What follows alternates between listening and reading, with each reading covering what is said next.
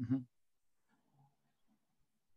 Witamy wszystkich serdecznie. Jest z nami Andrzej Burzyński, konsultant biznesowy, e, doświadczony przedsiębiorca. Cześć Andrzej. Cześć Jakub, witam wszystkich, którzy nas oglądają i słuchają. Fajnie, że sobie dzisiaj porozmawiamy. Porozmawiamy o e, tym, jak zarządzać pracownikami, ale jeszcze na samym wstępie, e, jak byś powiedział tak w dwóch słowach o sobie, o swoim doświadczeniu i wspomniał o tym, co na sam koniec przygotowaliśmy dla naszych słuchaczy. No więc tak, od 2006 roku prowadzę swoją firmę e, i zajmuję się w tej chwili przede wszystkim konsultacjami, czyli robimy coś takiego jak tutaj siadam z właścicielem firmy i rozmawiamy o problemach, które zwykle dotyczą jego zespołu, doradzam tak bardziej personalnie i to jest główne, to jest główne z czego żyję, tak? Mm, natomiast to, co też przygotowaliśmy dla Was, to jest y, kurs umiejętności menedżerskich, czyli to, czego szkole w firmach i więcej o tym kursie i o specjalnej promocji dla Was na koniec. Fajnie. E, dobra, w takim razie mm, dzisiaj temat pracownicy, więc powiedz nam, Andrzej, tak jak w tytule, jak właściwie zarządzać pracownikami? Z mojej perspektywy, pokażę takie swoje ujęcie, są trzy rzeczy, które sprawiają, że pracownik dobrze pracuje. Pierwsze to jest odpowiednie wynagrodzenie i ono jest absolutnie podstawą i absolutnie nie jest tylko ono jako takie wystarczające. Mhm. E, druga rzecz to jest e, wykorzystanie talentów, czyli jeżeli ktoś jest w czymś dobry i będzie mógł się realizować, to e, będzie go to też motywowało. I trzecia rzecz to jest odpowiednia atmosfera, którą tworzymy w zespole, w grupie osób, nawet jeżeli mamy jednego pracownika, to atmosfera, jaką stworzymy, są ważne. Jeżeli te trzy rzeczy stworzymy, czyli odpowiednie wynagrodzenie, e, odpowiednia atmosfera i to, że ludzie postępują, wykonują pracę zgodnie z tym, w czym są najlepsi, to nie oznacza, że nie będzie problemów, że nie będzie konfliktów, że nie będzie trudności. Nie, ale to daje nam solidny fundament do tego, że ludzie będą to, co najczęściej ludzie chcą. Andrzej, przyjedź i zmotywuj mi pracowników no, motywacja wypływa z tych trzech rzeczy, natomiast odpowiedni sposób zarządzania, no, tu już temat rzeka, myślę, że to zahaczymy o kilka praktycznych rzeczy, mhm. E, jest ważny, ale właśnie, a dla mnie to zarządzanie troszkę jest na drugim miejscu. Aha. Ponieważ jeżeli na przykład nie masz dobrej atmosfery albo źle obsadziłeś stanowiska pracownikami, to jakbyś nimi nie zarządzał, to pełnego potencjału nie uzyskasz. Mhm.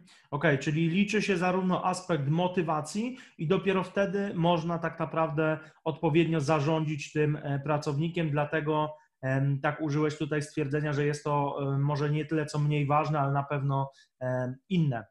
E, tak, więc może dotkniemy troszeczkę tych, tych tematów, jak tego pracownika w takim razie zmotywować i połączyć to z takim już, można powiedzieć, no, zarządzaniem, kontrolingiem czy czy tego typu e, właśnie rzeczami. Okej, okay. więc y, ja bym powiedział, że są dwa rodzaje motywacji, taka naturalna i taka zewnętrzna. Tak? Naturalna to jest taka, co mnie naturalnie motywuje. Tak, ja dałem sobie taki challenge y, osobisty, że od dwóch miesięcy nagrywam sześć razy w tygodniu podcasty, nie siedem, bo jeden dzień odpoczywam, ale sześć i to jest coś, do czego nie musisz mnie motywować. Ja nie robię tego z jakichś takich powodów y, bardzo konkretnych, po prostu teraz przez to, że bardzo dużo działam online, a mniej wyjeżdżam, mam troszkę więcej czasu, więc te 10-15 minut codziennie znajdę na nagranie. Y, I to jest ta motywacja. I teraz, jeżeli dasz pracownika, to co mi się nieraz zdarza, tak, wchodzę do firm, które się rozrastają, dynamicznie się rozrastają, to jest, to jest szczególnie ważne i przychodzę do takiej firmy i mówią, Andrzej, ten pracownik dobrze pracował, teraz trochę już widzimy gorzej, obniżyło się morale i tak dalej. I kiedy rozmawiam z tym pracownikiem, okazuje się, że on do innych zadań został zatrudniony, a trochę inne albo już bardzo inne teraz wykonuje. I teraz to jest, to jest druga rzecz, tak? Czy ten pracownik wykonuje to, w czym jest najlepszy, tak? Czy my go dobrze obsadziliśmy, czy dobrze tutaj daliśmy, no to taki skrajny sytuacja, e, kiedy człowiek zatrudniał do zespołu kadro, e, księgowo-kadrowego, tak? I mówi, była, i ten człowiek, który zatrudniał, tak, to taki typowa osobowość interaktywna, czy sanguiniczna, czy taki otwarty, e, na ludzi nastawiony i tak dalej, i rozmawiał, mówi, było wiele kandydatek, mówi, ale jedna szczególnie mu się spodobała, ponieważ była tak wygadana jak on. No i super. E, tak mu się wydawało, zatrudnił ją, natomiast to jest osoba, która jest świetna, relacyjna, natomiast ona chciała rozmawiać z tymi koleżankami, chciała przerw na kawę, a one były raczej takie celujące, melancholiczne, poukładane, systematycznie pracujące i tu już był zgrzyt, ona rozwalała zespół, tak? I teraz, gdyby on tylko trochę miał takich podstaw znajomości osobowości, wiedziałby, że ta osoba nie będzie dobra. I teraz on nie chciał jej stracić, bo naprawdę widać było, że dziewczyna, kobieta się angażuje, że się stara. Ja mówię, słuchaj, e, a co gdybyś ją przesunął w inne miejsce? E, I na początku chcieli z niej zrobić przedstawiciela handlowego. Ona nie za bardzo się w tym widziała, natomiast później przesunęli ją do kontaktu z kluczowymi klientami. I ona tam do nich jeździ, czy dzwoni, dba o relacje z kluczowymi klientami, co w ich branży jest ważne, bo tam ciągle powstają nowe firmy i e, oni potrzebują kogoś, kto będzie utrzymywał kontakt z tymi kluczowymi ludźmi, którzy od nich kupują, ponieważ to zapewnia im systematyczność dostaw ich produktów. Więc to jest taka rzecz. Inna rzecz to jest taka, na przykład taka rzecz, w której gubią się ludzie zarządzający ludźmi. To ten podam przykład i jakby dam Ci przestrzeń na pytania, bo tu mógłbym dużo gadać, ale staram się nie, nie wszystko, ale to, co udaje, wydaje mi się najważniejsze. Więc jest różnica między tym, czy ludzie Cię lubią, czy ludzie Cię szanują.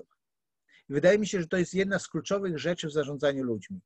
Jeżeli chcemy, żeby ludzie nas lubili, to wpadamy w taką pułapkę uzależnienia od nich i robimy wszystko, żeby oni nas lubili. Typu jedna z moich klientek, właścicielka e, jednego e, ze sklepów, E, tak ma trzy, trzy sklepy i teraz w tych sklepach ona robi wszystko, że, czyli grafiki jak układała i komu, ktoś dzwoni do niej i mówi, słuchaj, trzeba zmienić grafik. No i ona teraz zmienia grafik. Ja mówię, ale co ty robisz? A gdzie są kierownicy? Niech oni z kierownikami, niech oni między sobą. Ona tak wszystko, no ale wtedy to ja im ułatwiam. No właśnie. Ale po paru doświadczeniach, typu, bo ona przejęła ten biznes, tak, po rodzicach, po mhm. kilku doświadczeniach, kiedy ona się tak bardzo starała, a ktoś z dnia na dzień odchodzi albo po prostu wysłuje SMS-a, jutro nie przyjdę, to mhm. stwierdziła, o nie, i teraz nie chodzi o to, żeby się zrzymać na ludzi i ich obrażać, tylko mówić, ok, ma być sprawiedliwie. Ludzie wiedzą, że jest sprawiedliwie, są jasne, czytelne zasady, mają mnie szanować, nie muszą mnie lubić. I e, to wydaje się taki niuans, ale bardzo istotny, kiedy zarządzasz ludźmi.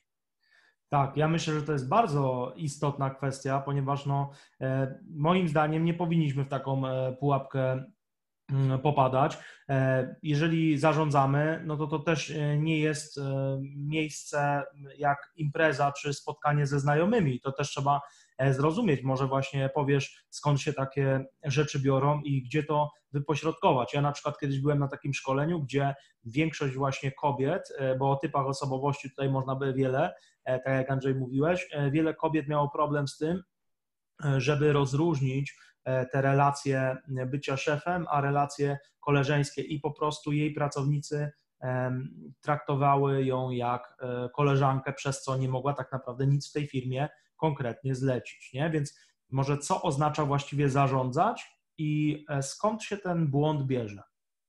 Mhm. No właśnie, tutaj może być kilka rzeczy, tak? Ktoś jest bardzo relacyjny, tak jak powiedziałeś. Inna rzeczy, na przykład ktoś wyrósł, był w grupie, i na przykład jego awansowano.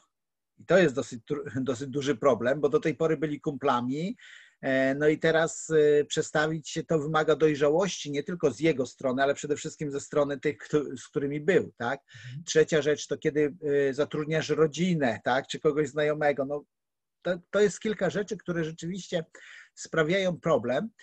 Natomiast myślę, że w zarządzaniu ludźmi są ważne dwie rzeczy. Pierwsza rzecz to jest taka jasność i przejrzystość. Taka prosta broszurka, książka, która stała się hitem, bestsellerem, a tak naprawdę jest broszurką, jednominutowy milioner, tak? Gdzie on mówi tak, często y, wikłamy się w coś takiego, tak, że ludzie konflikty w firmie, tak, na czym powstają. No to najczęściej jest tak, a on mnie nie lubi, a ten złośliwie wysyła, a ten jest leniwy, a ten nie. I to jest cały czas określanie leniwy, złośliwy, nie lubi. I teraz, nawet jeżeli to wszystko jest prawdą, to yy, mam background terapeutyczny, więc zawsze mówię tak, firma to nie jest miejsce terapii. To nie jest miejsce, gdzie my siadamy i teraz Jakub, sprawę, musimy porozmawiać, żebyś ty mnie lubił, bo ja mam to poczucie, że tak w głębi serca mnie nie lubisz. W pewien sposób to nie ma znaczenia. My nie musimy być najlepszymi kumplami, mówię o firmie, tak? My musimy umieć współpracować. I teraz to, co y, genialnie, tak, y, y, Blanchard napisał, on pokazał tak, stawiasz cele, które są jasno weryfikowalne. Tak? Czyli dajesz komuś, to jest proste, widzimy handlowca, który ma przynieść ileś tak, kontraktów na określoną sumę i dostaje na przykład określoną prowizję. To widzimy, ale na przykład, że zespół kadr ma zrobić coś na określony czas, to jest też, e, to, to też możemy zobaczyć, tak? To, że zespół produkcyjny ma coś zrobić, to, że na przykład e, był poprzedni szef, a jest teraz nowy menadżer i zespół pracuje gorzej, to też widać. Tak? I teraz trzeba się przyjrzeć, musimy mieć bardzo weryfikowalne cele, co my chcemy. I druga rzecz, musimy umieć reagować, kiedy rzeczy idą źle, kiedy rzeczy idą dobrze i rozmawiać o konkretach. Tak? Czasami pośrednicze w jakichś takich właśnie konfliktach między na przykład dwoma e, działami, na przykład sprzedawcy, a kadry. Tak? No i to, to jest pełne emocji, dopóki się nie sprowadzi tego na płaszczyznę faktów. Że na przykład, ok, jeżeli zamówienie ma trwać dwie, y, dwa tygodnie, tak, no to teraz y, w momencie, kiedy sprzedawca przynosi, to on nie może obiecać klientowi więcej, na przykład, że w ciągu tygodnia zrealizuje, ponieważ na to potrzeba dwóch tygodni. Z drugiej strony, jeżeli kadry to dostają, to one przekazują to na produkcję i teraz ustalamy bardzo jasny tutorial procedury. I teraz E, z jednej strony same procedury nie są rozwiązaniem, z drugiej strony same relacje nie są rozwiązaniem. Potrzebujemy jednego i drugiego. Potrzebujemy jasnych, klarownych, weryfikowalnych procedur w firmie i to już od początku, jak już się zatrudnia pierwszego pracownika, drugiego, nawet jak jest tam piątka pracowników, to potrzebujemy jasno wiedzieć, kto za co odpowiada, gdzie są granice, i my między sobą możemy mieć wyjątki, że ten pomoże tamtemu, ten za tego coś zrobi, ale to są wyjątki niż reguły. Mamy jasne procedury, wiemy co kto kiedy robi. Na przykład w sklepach przyjeżdża kto, y, jest dostawa towaru i teraz co robimy? Jest dostawa towaru i teraz, no bardzo prosta rzecz, jeżeli to jest godzina, gdzie nie ma klientów, to zajmujemy się towarem. Jeżeli to jest godzina, gdzie przede wszystkim jest klient, no to robimy klienta. Ale teraz kiedy wracamy do tego, to musimy wiedzieć, co wypakujemy, w jakiej kolejności, kto spisuje faktury, gdzie, y, gdzie są reklamacje, do kiedy je zgłaszamy. To wszystko musi być i teraz rolą kierownika, tak, czy osoby zarządzającej jest pogodzić te dwie rzeczy. Czyli z jednej strony mieć te procedury i dbać, żeby one były, a z drugiej strony dbać o relacje, czyli na zasadzie y, jeden człowiek z branży IT, tak, to nie mówię, że wszyscy w branży IT są takie, ale tak, tak akurat było w jednej firmie, bo on pracował sam i czasami przychodził, musiał coś przynieść, jakieś dokumenty, chociaż on wolał to robić elektronicznie, no ale czasami musiał przynieść. No on przychodził i na przykład mówił masz. Wchodził do pokoju, nie mówił dzień dobry, ani czy, i tam szczególnie, gdzie pracowały kobiety, no one traktowały to jako brak szacunku, którym rzeczywiście to było. I trochę to tak, jak kiedyś Kamil Cebulski powiedział, że niedługo będziemy robić szkolenia z mówienia dzień dobry i trochę to tak było też, że trzeba było temu człowiekowi powiedzieć, słuchaj, jesteś świetnym fachowcem, tu w ogóle żadnych zastrzeżeń, natomiast kiedy wchodzisz, powiedz dzień dobry, powiedz proszę, tak? Proste rzeczy czasami, w których zawalamy i mhm. nie... Y, czyli, czyli dobry kierownik dba i o procedury i weryfikuje je według obiektywnych kryteriów, ale z drugiej strony dba o atmosferę, o to, żeby ludzie właściwie się do siebie odnosili. Mhm, mhm. E, okej, okay. a takie różnice w osobowości, kiedy zestawiamy kogoś w zespole, e, właśnie mogą generować takie, powiedzmy, sytuacje, kiedy dla kogoś nie jest czasami nawet naturalne być po prostu miłym. On nie odczuwa tak mocno emocji jak inni w relacji na przykład. E, może powiesz to na przykładzie takiej firmy małej i, i o tym od razu, jak zarządzać małą firmą, tak do pięciu osób, bo pewnie słucha nas ktoś, kto raczej taką firmę mniejszą ma, więc powiedzmy sobie najpierw o tej mniejszej firmie. Okej. Okay. E, pięć osób to nie jest zwykle mój typowy klient, ale też, też powiem, wydaje się, że przy pięciu osobach, tak jak widziałem, no, początki może mojej działalności to były właśnie firma, gdzie od zera czyli było dwóch ludzi, założyli sklep zoologiczny, rozrośli się do siedmiu sklepów, mieli już tam około 400 pracowników, ale to widzieliśmy po kolei. Kiedy jest mniej osób, jest o tyle prościej, jeżeli każdemu jasno wydzielisz swoje zadania. Tak? I teraz, mm, jeżeli masz pięć osób i wszystkie na przykład są takimi osobami, osobami bardzo dynamicznymi, nastawionymi na cel, rozwijającymi się, to teraz kiedy bierzesz nową osobę do zespołu, to musisz się zastanowić, kogo ty potrzebujesz. Czy potrzebujesz wzmocnienia do tego zespołu, czyli piątego czy szóstego takiego dynamicznego gościa, czy prawdopodobnie tak będzie, że firma nie wiem, się rozwija wyobraź sobie branża fitness, tak?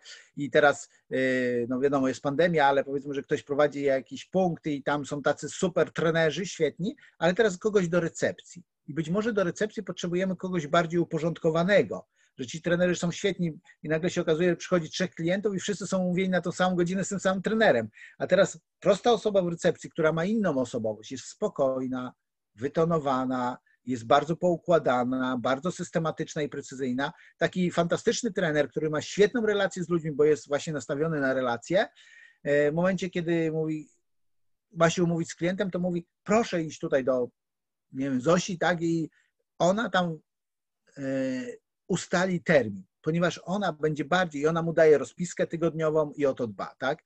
Więc ta znajomość osobowości jest ważna, bo przy mniejszej ilości osób też czasami zauważyłem, że tworzy się taka rodzinna atmosfera i to jest fantastyczne z jednej strony, ale z drugiej strony w tej y, fantastycznej atmosferze czasami nie ma jasnego i prostego podziału, kto za co odpowiada e, i jakie są, no bo czasami jeszcze, czy pierwszy krok jest to, totalny chaos, jest fajnie, lubimy się, dogadamy się, zrobimy wszystko, tak spontaniczno-chaotyczne.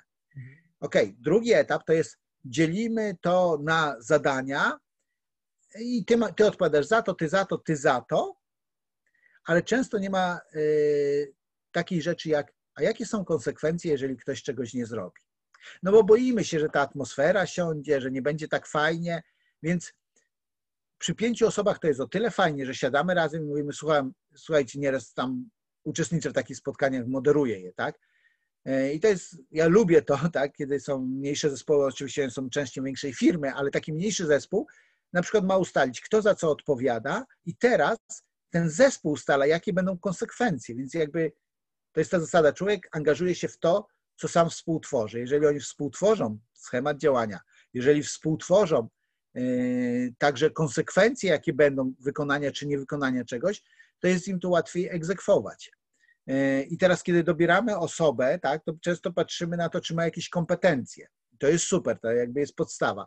Natomiast drugą rzecz, którą powinniśmy patrzeć, to jest jaką ma osobowość. Czy my chcemy na przykład, jeżeli w, w zespole mamy taką silną gwiazdę, która motywuje ludzi i, i ludzie za nią pójdą jak w ogień, tylko że ta sama gwiazda, kiedy już po pewnym czasie się nudzi, to potrzebujemy takiego supportera, czyli takiej osoby, która będzie e, spokojna, ale która właśnie będzie robić to te, te braki gwiazdy będzie uzupełniać. Czy będzie codziennie troszczyć się o ludzi, rozmawiać z nimi, wspierać ich, pomagać im realizować cele. E, I wtedy te, te dwie osobowości będą super współpracować. Natomiast kiedy weźmiemy do jednej gwiazdy drugą gwiazdę, to bardzo często dochodzi do konfliktu. Będą rywalizować. Dokładnie. Okej, okay.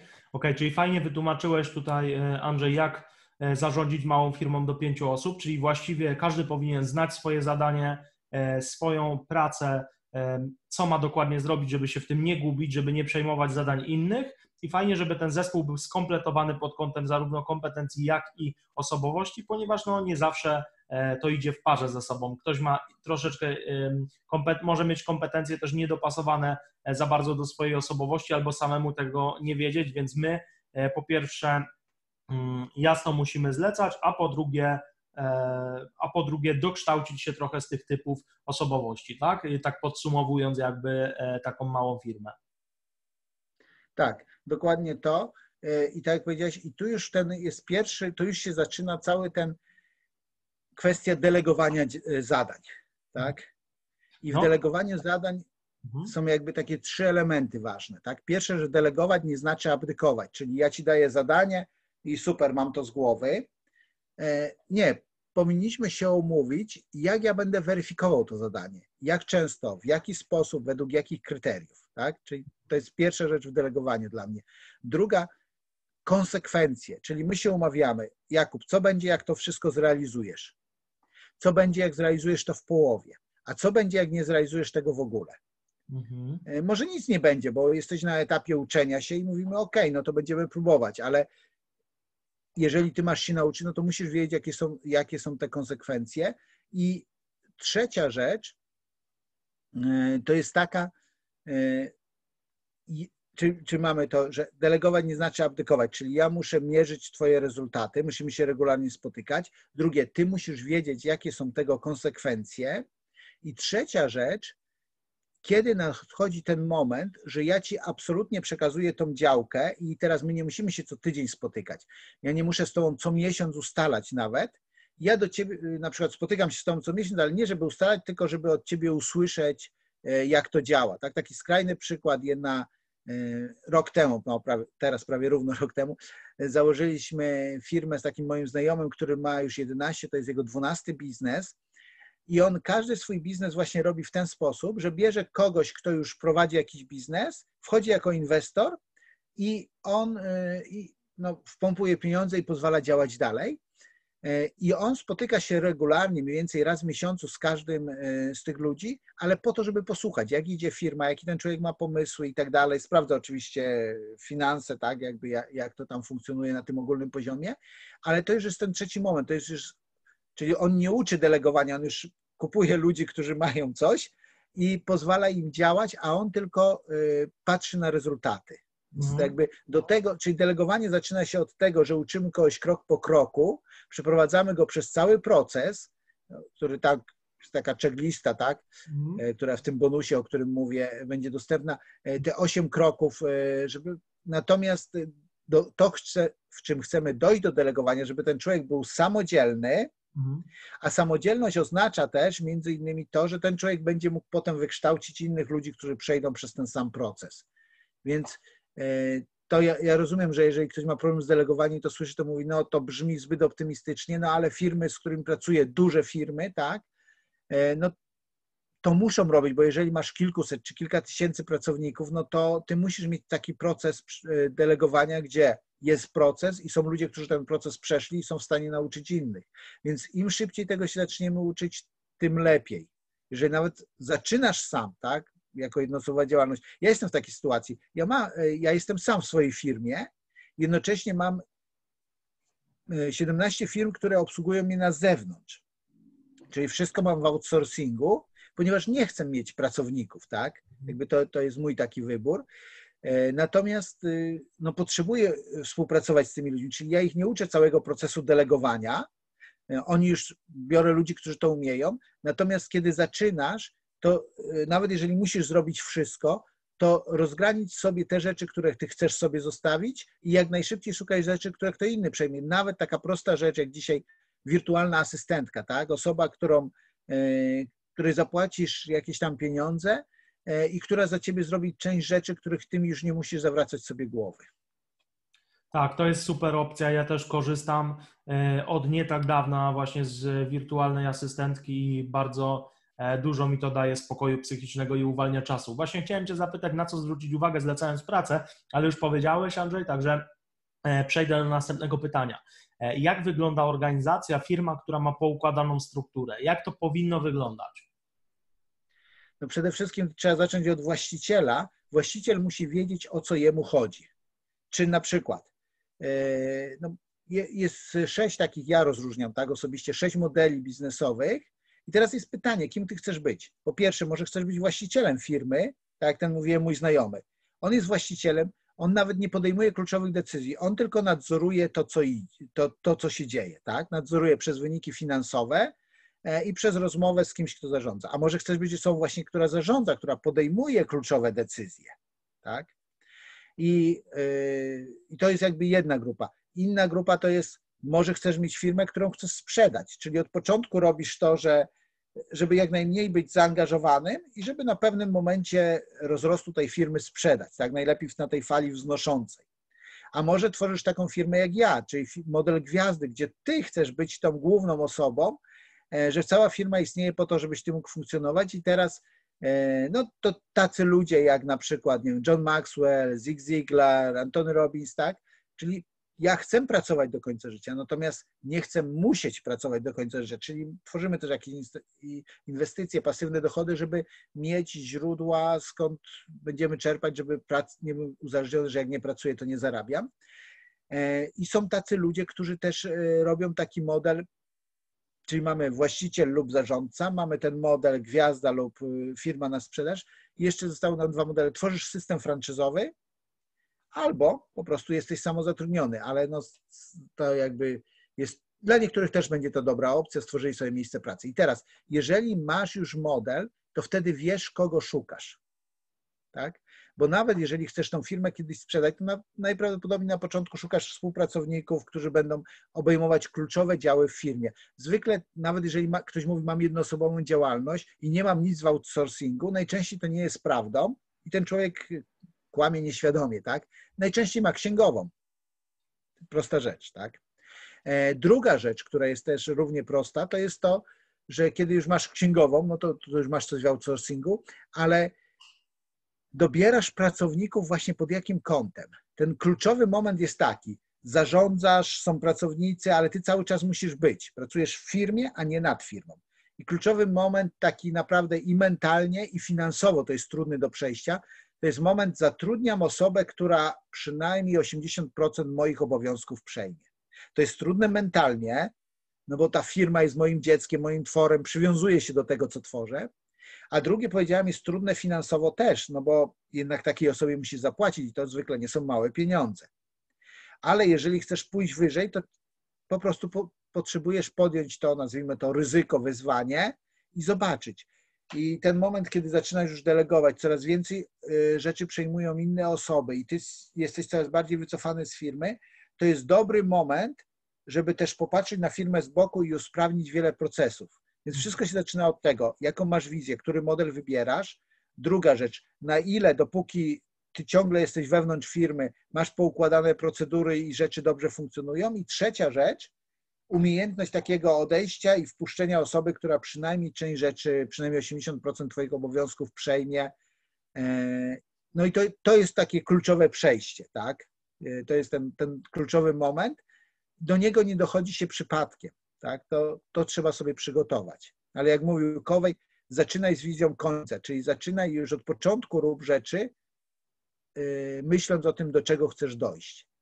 Tak, bardzo lubię planować według takiej zasady, że, że zaczynam od tego, w którym miejscu już jestem docelowo i schodzę do tych codziennych e, czynności. Bardzo fajny, e, fajny sposób. A jakbyśmy mieli przyjąć teraz taką mm, średnią działalność właściwie nie, nie wielkościowo średnią, tylko taką średnią działalność w Polsce. Powiedzmy, ktoś ma sobie jakiś sklepik internetowy, czy jest jakimś tam specjalistą, e, bo to wiadomo, usługi, produkty troszeczkę co innego, e, ale chodzi mi o taką rolę e, właściciela w firmie, żeby każdy zrozumiał, teraz jakby zadał pytanie, kurczę, kim ja mam być w tej firmie, co ja dokładnie mam robić, a czego mam nie robić. Wiem, że temat skomplikowany, mam, mam tego świadomość, ale jakbyś poinstruował taką początkującą osobę.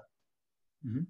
I, myślę, że tutaj niezależnie od branży, no bo tu specyfika branży i tak dalej, ale taki schemat, który się sprawdza, jest taki. Weź zegarek i ustaw sobie przypomnienie co godzinę w czasie, kiedy pracujesz. Czyli yy, powiedzmy, że zaczynasz o 8 rano, o 9 przypomnienie mówi, co robiłeś przez godzinę i zapisz, co robiłeś, ile czasu ci to zajęło. Nie musisz szczegółowo, wystarczy, że odpowiadam na maile 15 minut siedziałam w mediach społecznościowych 40 minut, tak? Czyli bezwzględnie szczery jesteś przed sobą, tak? Nie, nie oszukujesz się, że, że budowałem markę, kiedy tak naprawdę lajkowałeś posty i, i, i tam prywatne rzeczy.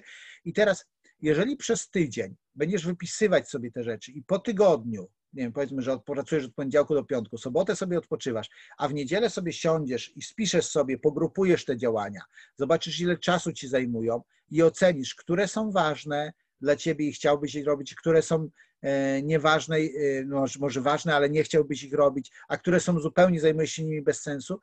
Grupowanie działań, które wykonujemy i patrzenie na co tak naprawdę poświęcamy czas, może nas bardzo otrzeźwić. Tak? Ja kiedy robiłem dla siebie, co jakiś czas jeszcze to robię dla siebie, ja nie wiedziałam, że w poniedziałki tyle czasu spędzam na meczyki.pl, ponieważ nie obejrzysz wszystkich meczów, które były, a ligi były, więc, więc patrzyłem, jak, jak to działa. Więc y, tutaj y, na to, na to chciałbym zwrócić uwagę. E, zobacz na swoje działania, tak? Y, niezależnie od tego, kim jesteś czym, i w jaką stronę chcesz prowadzić firmę.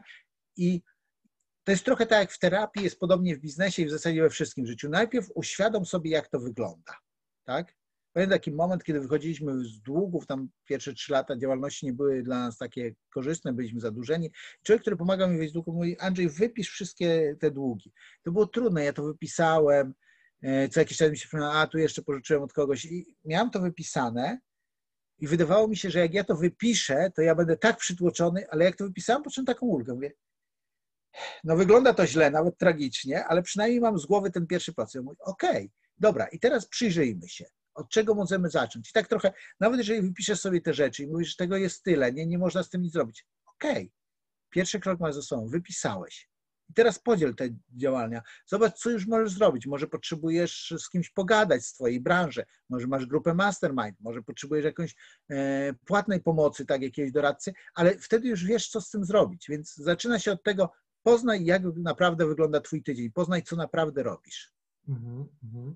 Dobra, i dajmy na to, że ktoś sobie spisał, e, że. Mm, że przez jakiś czas tam zajmuje się, no bo wiadomo, nikt nie, na początku nie wie, jak ma być ta firma poukładana, umówmy się, mało kto, mało kto wie, e, ma świadomość poukładania tych procesów i działów, jak to powinno dokładnie e, przechodzić od, od oferty do, do całego planu, ale dajmy na to, że ktoś sobie wypisał jakiś tam szereg pięciu, sześciu czynności, na każdy jakiś tam czas sobie poświęcił. Teraz co ma zrobić i jak rozpoznać, odsiać te czynności, których nie powinien robić, od tych, które powinien? Dla niektórych ludzi będzie pomocne, jeżeli skorzystają z pomocy kogoś innego. Na przykład ja skorzystałem z pomocy mojego brata, żeby tu już nie mówić od razu, że musisz komuś płacić, tak? E, I nawet ta druga osoba nawet nie jest istotne, czy musi być przedsiębiorcą. Ważne, żeby miała na tyle zdrowego rozsądku i odwagi, żeby ci powiedzieć prawdę. Kiedy mhm. ja zrobiłem sobie coś takiego lata temu e, i patrzyłem, e, no to na przykład ile wysyłam ofert, a ile mam z tego, e, ile mam zapytań, o może inaczej, w ten sposób, ile mam zapytań ofertowych, a ile mam, a ile mam z tego przychodu. I tak, i główne przychody były właśnie ze szkoleń, tak, z ofert, które ktoś, przysy, ktoś przysyłał zapytanie, ja wysyłam oferty i z tego było. Ale mój brat dopiero mi uświadomił pewną rzecz. Mówi, zobacz, ile ofert, mówi, dlaczego niektóre oferty zajmują ci, nie wiem, tutaj y, oferta ci zajmuje 5-10 minut, a tu oferta zajmuje ci, nie wiem, 4 godziny, tak, nawet. Mhm. Ja mówię, no bo to było takie nietypowe zapytanie. I on mówi, jak dużo masz tych nietypowych zapytań? E, no i okazało się, że całkiem sporo. I on mówi, a ile z tych nietypowych zapytań przerodziło się w. No i ja w pewnym momencie sobie uświadomiłem coś, ja, ja wiem, że to dla kogoś, ale przecież to jest oczywiste. Dla mnie nie było. Ja sobie uświadomiłem tak, ja stworzyłem ofertę na tam swoje podstawowe sześć szkoleń i kiedy ktokolwiek się zgłaszał, wysyłałem, mówię tak, tu jest moja oferta na to szkolenie, albo ktoś mówi, jakie szkolenia, no to mam tutaj sześć szkoleń, a jeżeli ktoś wysyłał nietypowe, to pisałem od razu. E, takiego szkolenia nie prowadzę, natomiast jest tu sześć innych, może Państwo chcą skorzystać. I teraz o co chodziło? Nietypowe, to oczywiście nie brałem szkoleń, na których się nie znam, na przykład e, szkolenie, nie wiem, z, jak pozyskać klienta przez telefon, na tym się nie znam, ale czasami były takie bliskie do moich zapytania, tak? Jak poradzić sobie z trudnym klientem? No, później, ponieważ tych zapytań było dużo, więc zrobiłem z tego szkolenie, ale zanim zrobiłem z tego szkolenie, to bardzo często odpowiadałem, E, takiego szkolenia nie mam w ofercie, ale zbliżone do tego jest to, jak zarządzać e, zespołem przez zrozumienie typu osobowości. Tam mówię o typach osobowości. Przez to można też poznać, jak poradzić sobie z niektórymi trudnymi. I kiedy to wysyłałem, i ludzie, niektórzy z tego korzystali, ale oczywiście mieli te pytania o trudnego klienta, o trudnego pracownika. I ja nagle zrozumiałem sobie, OK, to tylko wystarczy te aspekty wziąć i to będzie drugie szkolenie, więc stworzyłem ofertę. Więc e, tu już jest trochę taka bardziej mrówcza prasa, czyli w momencie, kiedy widzisz, że e, wypisałeś sobie te rzeczy, może nawet nie wiedzieć co, ale patrzysz na to, co ci naprawdę przynosi pieniądze. I wydaje mi się, że to jest główne kryterium, które bym wziął. Co hmm. naprawdę przynosi mi pieniądze, ale uwaga. 2006 e, do 2009 to były pierwsze trzy lata firmy, kiedy się zadłużaliśmy. 2009 do 2011 wyszliśmy z tych długów i od 2011 zaczęło się rzeczywiście e, fajne rzeczy w firmie, ale 2014 był przełomem. No, sypnęło dużo zaproszeń i tak dalej. Ale to, co się stało od końcówki 2011 do 2014, to było to, że ja zacząłem działać w internecie. I to, że się sypnęły te zaproszenia, one były nagle rzeczywiście, ale on nagle się wzięło właśnie z tego działania w internecie. I teraz pamiętam taki, teraz jak rozpoznać działania, które, które mają potencjał. E, jak nagry... Pierwsze moje działania w internecie to było nagrywanie audycji w Radiu Kontestacja. Przez 5 lat co tydzień nagrywałem, więc ponad 250 nagrań, ale gdzieś tak po nie wiem, pół roku nagrywania zgłosił się klient, który, bo kontestacja była dobrze wypozycjonowana, szukał jakiegoś tematu, trafił na moje nagranie, przesłuchał, zadzwonił, e, no i zaczęliśmy rozmawiać i ten klient, no, ta, tak zwana aureola, tak, on mnie widział w dużym radiu, dobrze wypozycjonowanym, które bardzo sobie cenił e, i, i on mówi, no niestety na szkolenie mam tylko tyle i tyle przewidziane szczerze, to była stawka trzy razy większa niż ja normalnie brałem w tamtym okresie za dzień szkoleniowy, tak? E, I ja mówię, że no jakoś się dogadamy, tak? E, I, e, i, i zobaczyłem, jaki tu jest potencjał, czyli że przez to docieram do klienta, który prowadzi dużo większą firmę i dużo większe pieniądze mo może zapłacić, tak? Wcześniej docierałem bardziej do ludzi, którzy zaczynali firmy, mieli malutkie firmy, a ten już miał iluś tam pracowników. I to mi pokazało, że te działania w internecie docierające do takich ludzi mają sens. Więc y, kiedy zaczynamy robić rzeczy, to musimy zobaczyć, co przynosi pieniądze, albo druga rzecz, co ma potencjał do przynoszenia pieniędzy i my już pierwsze pieniądze zarabiamy i tylko, no ale pamiętam, to był jeden klient, potem nie wiem, za trzy miesiące trafił się drugi taki y, klient i pamiętam to tak trochę przypadkowo w gronie przedsiębiorców, tam byliśmy na Zbiro, rozmawiałem z kimś i mówię, że kurczę, ta kontestacja ma potencjał, ale nie wiem jak to zrobić i wtedy ktoś mi powiedział, Andrzej musi działać na większą skalę. Tylko tyle, tak, ktoś rzucił. Mnie to tak olśniło i mówię, okej, okay, kontestacja to jedno, więc zacząłem nagrywać swoje podcasty, zacząłem prowadzić kanał na YouTube, zacząłem pisać regularnie bloga. W wielu miejscach działałem i z wielu miejsc potem zaczęły przychodzić e, zapytania, więc musimy, e, no nie wiem, dla mnie prowadzenie biznesu to jest tak, to jest cały czas trzymanie ręki na pulsie, co działa, co nie działa, w jaką stronę iść, jaką nie iść. Początek lockdownu, tak? E, no, w pierwszym miesiącu, rok temu, tak, z pięciu moich kluczowych klientów dwóch upadło.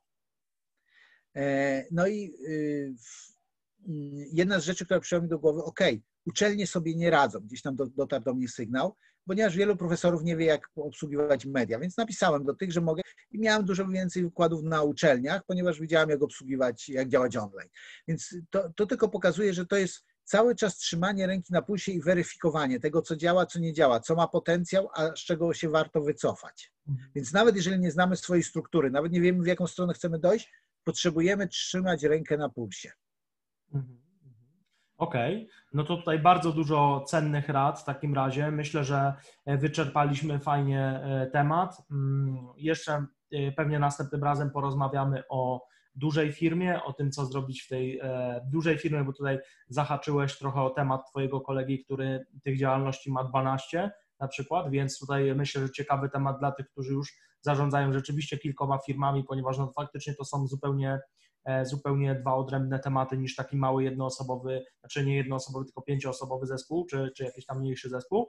E, ok, w takim razie powiedzmy o naszej Andrzej niespodziance dla widzów. Okej. Okay. E, więc e, to, to, co jest niespodzianką, to jest kurs umiejętności menedżerskich. Tak? E, nagrałem takie 10 nagrań, które mówią o tym, jak zarządzać ludźmi. No, jak ich motywować, jak ich doceniać, jak ich korygować, jak delegować zadania, jak być bardziej produktywnym, jak budować atmosferę w zespole, jak tworzyć ścieżkę kariery. To w ofercie będziecie mieli dużo więcej. Do tego dostajecie 15% rabat. Jest specjalny kod rabatowy, dostajecie 15% rabat, więc to taki ukłon w waszą stronę. E, I teraz ten kurs jest tak pomyślany, bo większość ludzi mówi, to kupię kurs i sam tak mam, tak? Kupiłem kilka kursów, z których nigdy nie skorzystałem, e, bo nie były mi potrzebne w tym momencie, tak? Tylko mówię, że, że kiedyś. Natomiast pomyślałem sobie, kiedy tworzyłem ten kurs, jak zrobić, żeby pomóc ludziom jak najefektywniej go przerobić. Więc każdy z tych tematów e, jako regułą jest to, że nagranie trwa godzinę i 15 minut, co oznacza, że jeżeli przez 5 dni w tygodniu poświęcisz kwadrans, to w ciągu tygodnia masz przerobiony jeden temat.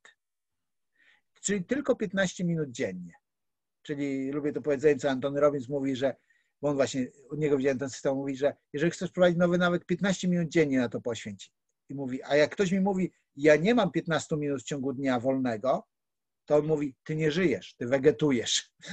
E, myślę, że 15 minut każdy z nas jest w stanie sprawdzić, więc 15 minut w ciągu dnia i w ciągu tygodnia masz jeden temat. W ciągu 10 tygodni masz to wszystko i nie musisz go przerabiać krok po kroku, czyli że pierwszy temat jako pierwszy, drugi jako drugi. Wybierz sobie ten, którym jest ci najbardziej po drodze i, i zacznij e, od tego tematu.